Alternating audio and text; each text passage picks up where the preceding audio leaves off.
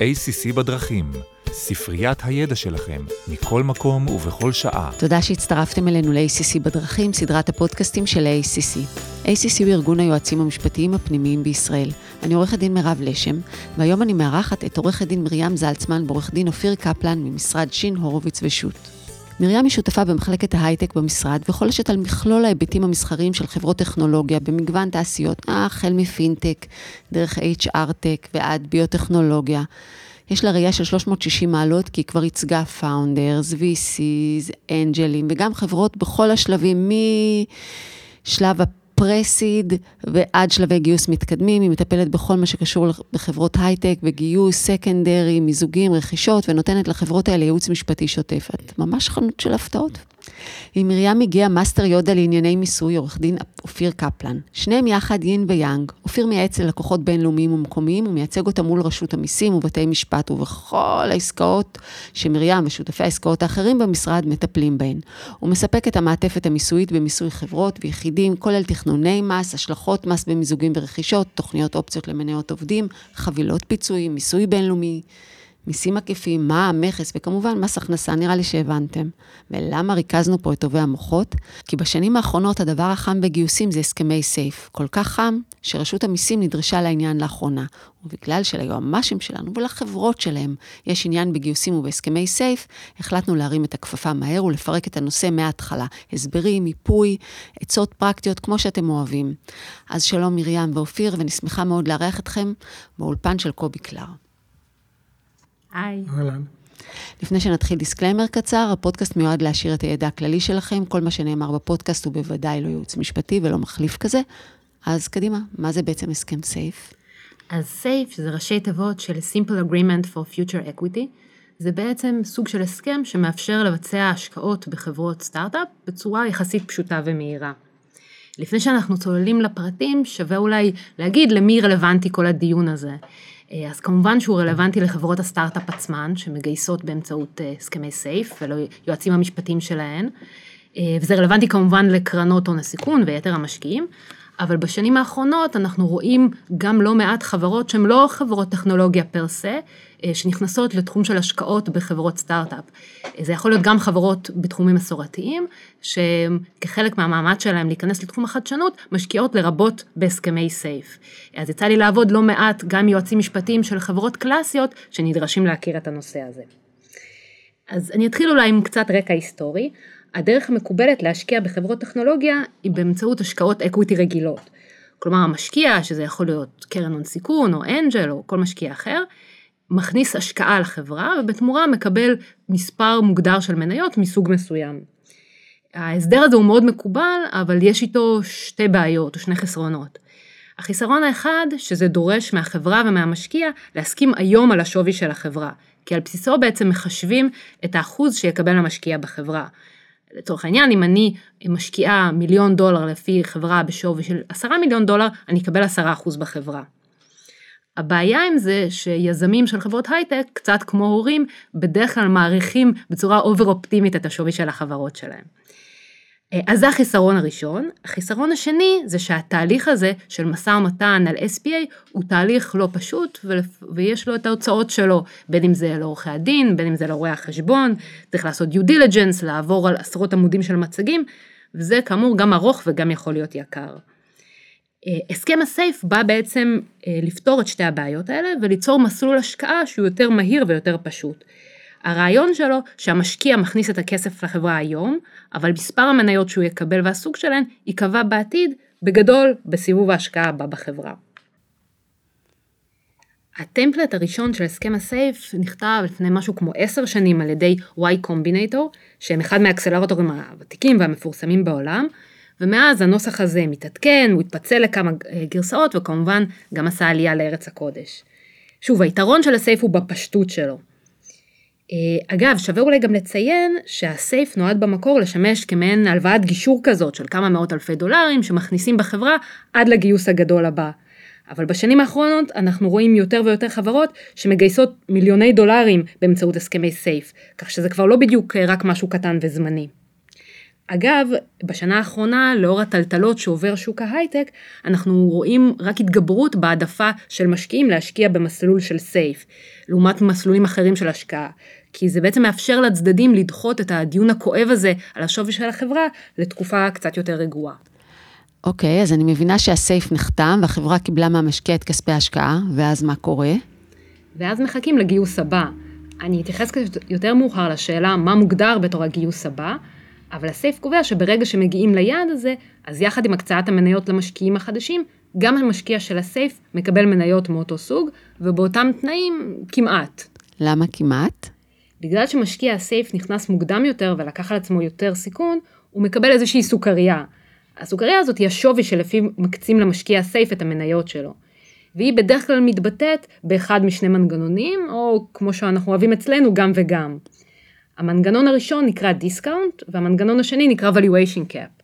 המנגנון של ה discount אומר שקובעים ב SAFE מראש איזשהו שיעור הנחה קבוע שיקבל המשקיע. לצורך העניין, שיעור ההנחה הזה בדרך כלל נע בין 15% ל-25%, והמשמעות שלו שברגע שתיכנס קרן ה-VC לפי שווי של 100 מיליון דולר, ולמשקיע ה SAFE יש 20% הנחה, הוא את הסייף שלו ימיר לפי שווי של 80 מיליון דולר, ולא לפי 100 מיליון דולר. המנגנון השני, שנקרא valuation cap, אומר שמסכימים מראש על איזשהו שווי מקסימלי לצורך המרת הסייף.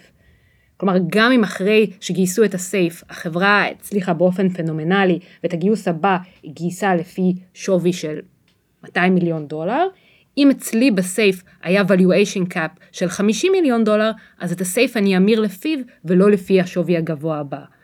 כמובן שלמשקיע האינטרס הוא להמיר את הסייף שלו לפי שווי כמה שיותר נמוך כדי לקבל כמה שיותר מניות. אז מה הם היבטי המס של השקעה באמצעות מכשיר הסייף? אוקיי, okay, ראשית חשוב לדעת שעד לאחרונה לא הייתה לשאלה הזאת איזושהי תשובה ברורה בדיני המס בישראל. כלומר, למרות שאנחנו מדברים על מכשיר השקעה מאוד שכיח שכבר קיים בשוק קרוב לעשר שנים, הייתה עד לאחרונה אי ודאות לגבי אופן הסיווג שלו לצורכי מס. האי ודאות הזאת נבעה בעיקר מאי פרסום עמדה מצד רשויות המס בנושא. כמובן מאי מתן פסק דין על ידי בתי המשפט. אה, לא מדובר במשהו חריג, רשויות המס בדרך כלל מפגרות בכמה שנים אחרי ההתפתחויות בשוק ההון ובעולם העסקי בכלל. אה, והאי הבהירות הזאת לגבי הסיווג המיסויי של אותו מכשיר השקעה נבע גם מכך שהסייף הוא סוג של מכשיר היברידי, כלומר משהו שבין מכשיר חוב לבין מכשיר הוני. שאלות דומות התעוררו בעבר גם לגבי מכשירים היברידיים אחרים, כגון ה-CLA's, שזה Convertible Loan Agreements, או בעברית אה, הסכמי הלוואה המירים. ואני יכול להזכיר גם אולי את שטר ההון, שזה גם סוג של מכשיר היברידי, מעין הלוואה עם מועד פדיון נדחה, שבאיזשהו שלב קיבלה התייחסות במסגרת פקודת מס הכנסה, ורואים בה היום אה, מכשיר equity ברוב המקרים. בהקשר זה אני אסביר אולי את ההבדלים הבסיסיים שבין מכשיר חוב למכשיר הוני. מבחינת המס.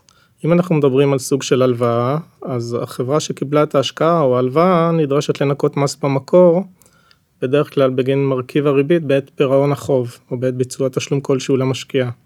ואילו משקיע מצידו נדרש לדווח על ההכנסה במסגרת הדוח שלו. אה, מבלי להיכנס לעומק של איך ממסים, אה, אני אזכיר אולי שגם התושבות של המשקיע לעומת תושבות החברה, משליכה אף היא על אופן המיסוי, שכן אמנות המס בין המדינות כוללות הוראות שונות שנוגעות לניכוי מס במקור.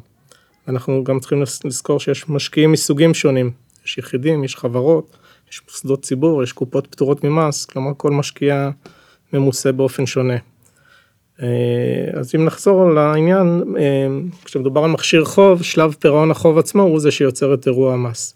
לעומת זאת, כשאנחנו מדברים על השקעה הונית, המשקיע בדרך כלל נפגש עם הכסף רק בעת מכירת מניות, אלא אם חולק דיבידנד קודם לכן, ואז יש איזשהו אירוע מס נפרד. אה, ובמקרה של מכירת המניות אנחנו מדברים על מס רווח הון. במקרה של ה SAFE, האי ודאות נבע גם מכך שיש לו איזה שהם מאפיינים שמזכירים מכשיר חוב ולא רק מכשיר הוני. למשל אותם מנגנוני הטבה שמרים הזכירה, כגון מנגנון ה discount או ה-valuation cap, יכולים להתפרס כמעין איזשהו תחליף ריבית שהמשקיע זכאי לה ומפצה על, על פער הזמן שבין אה, מועד ההשקעה לבין מועד ההמרה למניות. בנוסף, ברוב הסכמי הסף יש, ישנם מצבים ותנאים שבהם המשקיע עשוי לקבל החזר כספי מסוים במקום המרת הסייף למניות, מה שגם מזכיר קצת אה, מכשיר חוב. אז אה, איך בעצם פעל השוק במצב של אי ודאות עד העמדה המדוברת שנגיע אליה עוד מעט? אז כמו בכל מקרה שבו החוק וההנחיות של רשויות המס אינם נותנים מענה לציבור הרחב, המשקיעים נהגו לפנות ליועצי המס שלהם ולקחת פוזיציות, לעתים, שלעיתים לוו גם בחוות דעת רחבה יותר, בהתאם לאותו ייעוץ שקיבלו. אה, למיטב ידיעתי רוב הפוזיציות התייחסו להשקעה בסייף כסוג של השקעה הונית, כמעין תשלום על חשבון מניות, כאשר המניות עצמן מתקבלות במועד מאוחר יותר. מבלי להיכנס לעומק אה, פקודת מס הכנסה, שהינו אחד החוקים היותר מורכבים אה, שאני מכיר, אני אזכיר שבתוך הפקודה ובתקנות שנחקקו מכוחה, ישנו מכשיר שנקרא עסקה עתידית, שזה בגדול סוג של התחייבות או זכות למסור או לקבל בעתיד נכס או הפרשי שער או הפרשי מדד. במילים אחרות, להבדיל מעסקת מכר רגילה, שבה העברת הנכס וקבלת התמורה נעשים בד בבד, בעסקה עתידית בדרך כלל משולמת התמורה בשלב הראשון, ואילו רק בשלב השני מושלמת העסקה בדרך של העברת נכס הבסיס, או תוצאותיה, כלומר ההפרש. יש כל מיני סוגי עסקאות עתידיות, חלקן נובשות לבוש של עסקאות אופציה למיניהן. אחד מאותם סוגי עסקאות הוא ה-Prepaid Forward Transaction, שמעט מזכירה את הסייף שלנו, ולכן חלק ממומחי המס ניסו להסתמך על אותן תקנות כדי להצדיק את הפוזיציה שמדובר במכשיר הוני. הפוזיציה שנלקחה הייתה תלויה גם כמובן גם באופן הניסוח הספציפי של כל הסכם והסכם סייף, שכן יש וריאציות שונות וחלק יותר דומים ופחות דומים למכשירים הוניים.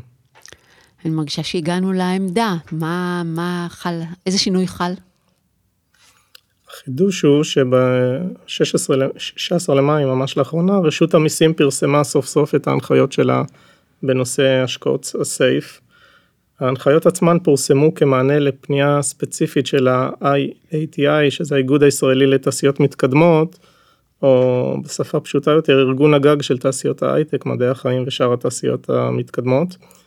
נציגי אותו איגוד קיימו כמה דיונים עם רשויות המס, שבסופם פורסמו הנחיות הללו בעקבות לחץ רב מצד, ה, מצד השוק. ההנחיות מעניקות איזושהי ודאות לגבי גישת הרשות, אם כי ודאות חלקית, כפי שאני אסביר בהמשך. וזה המקום לחדד שההנחיות האלה חלות על עסקאות סייף שעומדות בתנאים שקבעה רשות המיסים ואשר נחתמו עד לסוף שנת 2024 או עד לפרסום הנחיות אחרות בנושא, לפי המוקדם שביניהן. במה קובעות ההנחיות? ההנחיות הללו למעשה קובעות משהו שדומה לרולינג במסלול הירוק, במקרים שמתקיימים התנאים שקבעה הרשות ביחס לעסקאות הסעיף. למי שלא מכיר, בשנים האחרונות יש אפשרות לפנות לרשות המיסים ולבקש החלטות מיסוי במסלול ירוק, שזה סוג של מסלול מזורז לקבלת החלטות מיסוי. הכוונה לסוגי רולינגים שכיחים שיועצי המס נוהגים לבקש מרשויות המס, למשל בהקשר של אופציות לעובדים, ביצוע שינויי מבנה מסוימים, פטור זמני מניכוי מס במקור בעת רכישת מניות וכיוצא בזה. כדי לייעל את הליך הוצאת הרולינגים, רשות המיסים יצרה טופס בקשה מובנה מראש, שאם עומדים בתנאיו ניתן לקבל איזושהי ודאות אה, מצד רשויות המס. הנחיות בנושא ה SAFE למעשה יוצרות משהו שהוא די דומה לאותו מסלול ירוק, ללא צורך בהגשת בקשה ל ruling. מבחינת התוכן, ההנחיות קובעות שאם יתקיימו כל התנאים שנקבעו בהן, אז יראו את ההשקעה במסגרת ה SAFE כאיזושהי מקדמה על חשבון מניות, כלומר כסוג של מכשיר הוני, כמו כל השקעת equity אחרת. אה, המשמעות של זה מבחינת המס היא שבעת המרת הסייף למניות לא יחול אירוע מס, לרבות אי תכולת חובת ניכוי מס במקור על החברה, וגם כשבעת מכירת מניות התמורה אה, היא תמוסה במס רווח הון. התוצאה הזאת כמובן רצויה מבחינת המשקיעים שחלקם, וכוונתי בעיקר למשקיעים תושבי חוץ, אה, הם פטורים ממס על הכנסה מרווח הון לפי אמנות המס והדין הפנימי. לעומת זאת משקיעים כאלה אינם פטורים בדרך כלל ממס על הכנסות מריבית. ומה הם אותם התנאים שצריכים להתקיים בעסקת הסייף כדי שהיא תחשב להשקעה במניות? אוקיי, okay, אז ישנם שלושה סוגים של תנאים שצריכים להתקיים לפי עמדת רשויות המס. הסוג הראשון הוא תנאים שנוגעים לפרופיל החברות שבהן מבוצעת ההשקעה. הסוג השני נוגע להסכמות ספציפיות שיש בתוך הסכם הסייף בין המשקיע לבין החברה.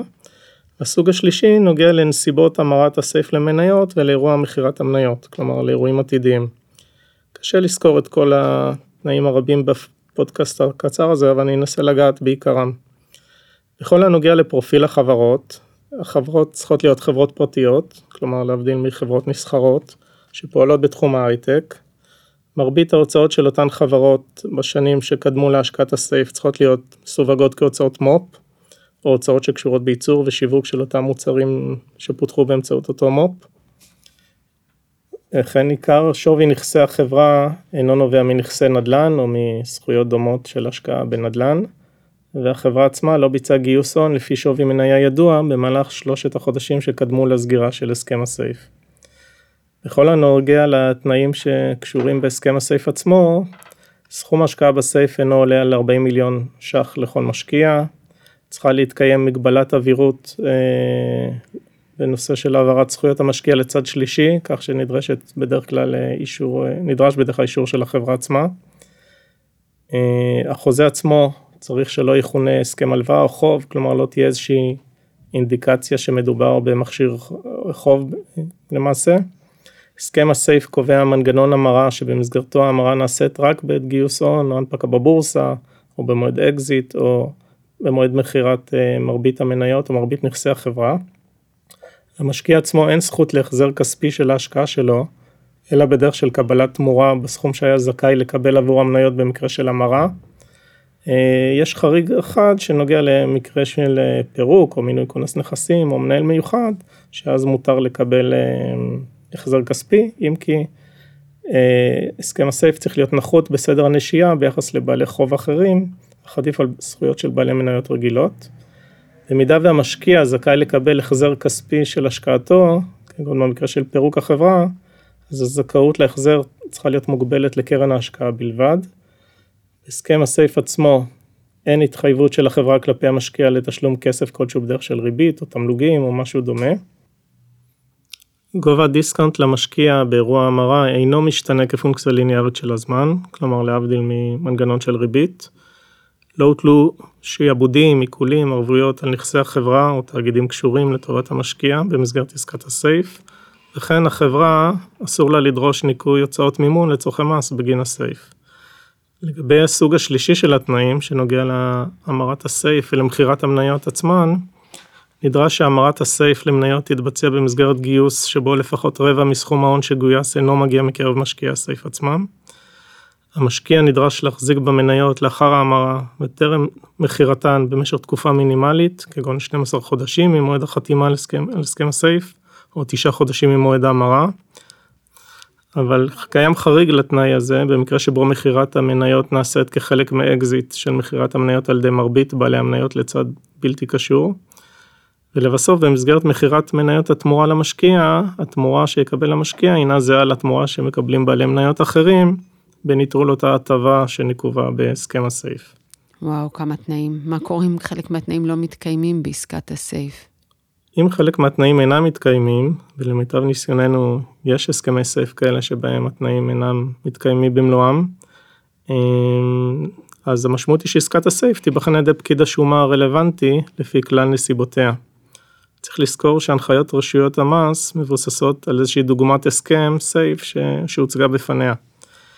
במילים אחרות, לפקיד השומה יש את שיקול הדעת לבחון את העסקה ולהחליט אם יש לסווגה כסוג של מקדמה על חשבון מניות, עסקת equity, או כפירעון חוב, שבו גלום מרכיב ריבית, ואולי כמשהו אחר, בהתאם לקבוע את חבות המס.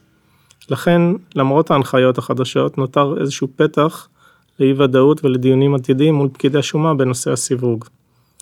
אזכיר אולי בהקשר זה שההנחיות מייצגות את עמדת רשויות המס, כך שנישומים ממילא זכאים לאמץ עמדה פרשנית שונה. במקרה של מחלוקת, בתי המשפט יצטרכו להכריע מהי הגישה הנכונה ביחס למכשיר זה, כל עוד אין הוראות חוק ברורות. איזה עוד הסדרים הפרטיים חשובים יש ב SAFE?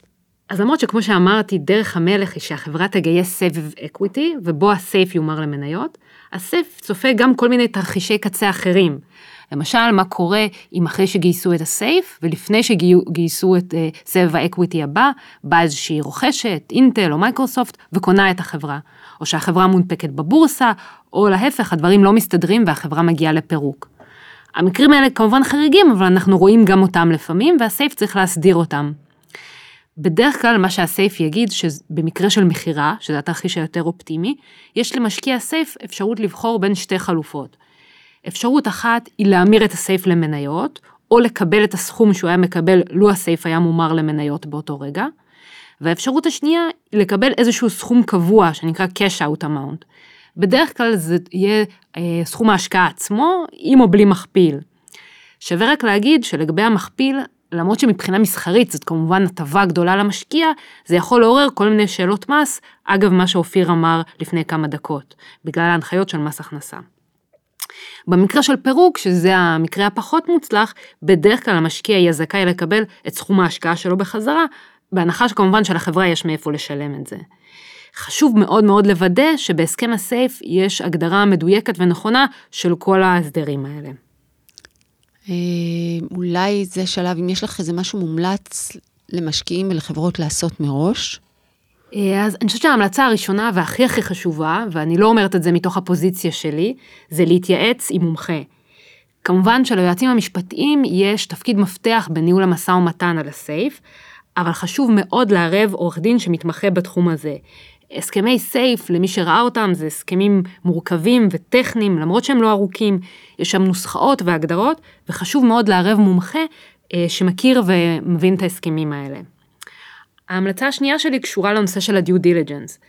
כמו שאמרתי, בסייף המצגים הם בדרך כלל מאוד רזים, ולא מקובל לעשות איזשהו due diligence מעמיק, כמו שעושים בעסקת equity רגילה.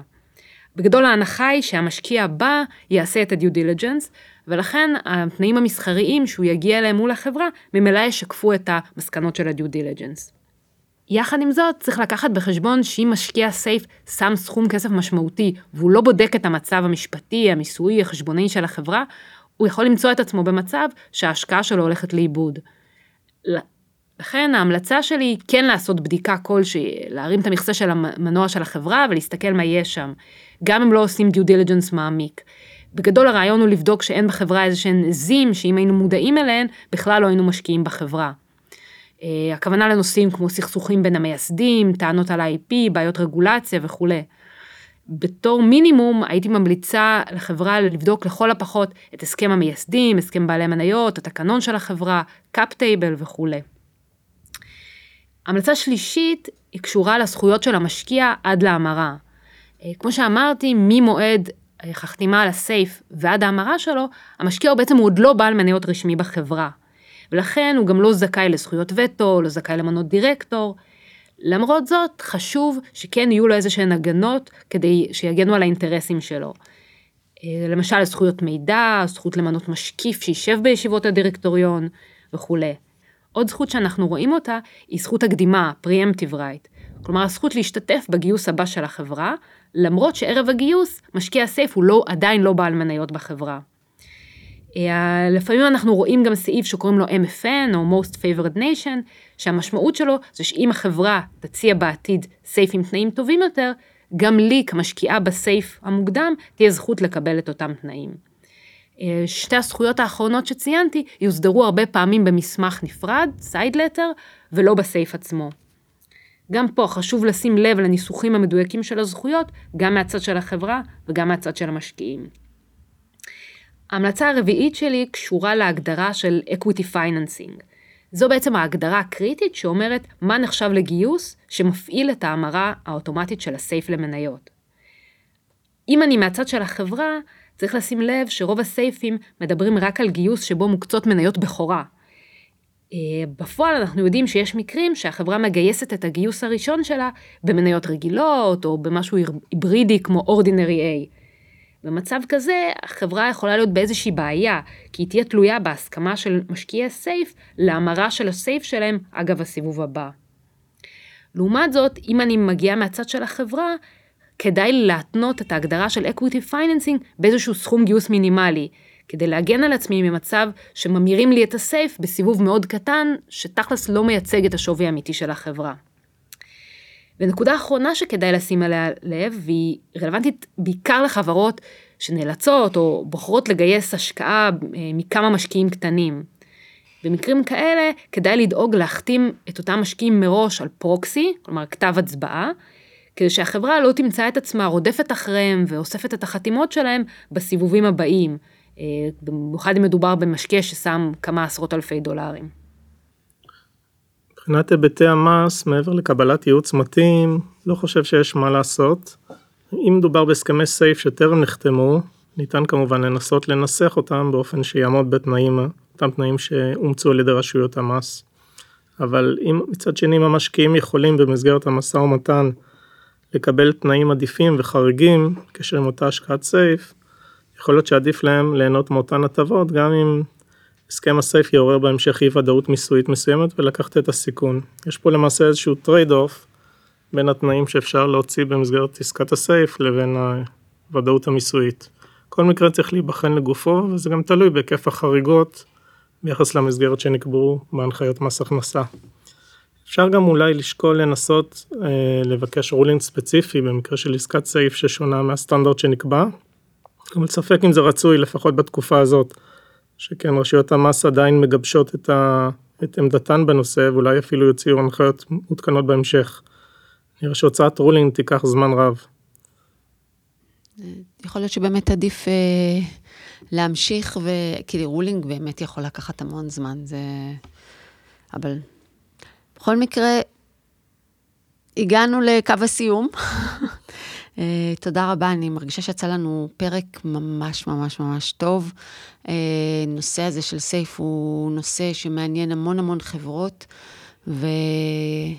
והסברתם ונתתם המון עצות, וממתק, פשוט ממתק. אז תבואו שוב לעוד פרקים, שבועת סופית, כן? בטח, אשמח מאוד. תודה.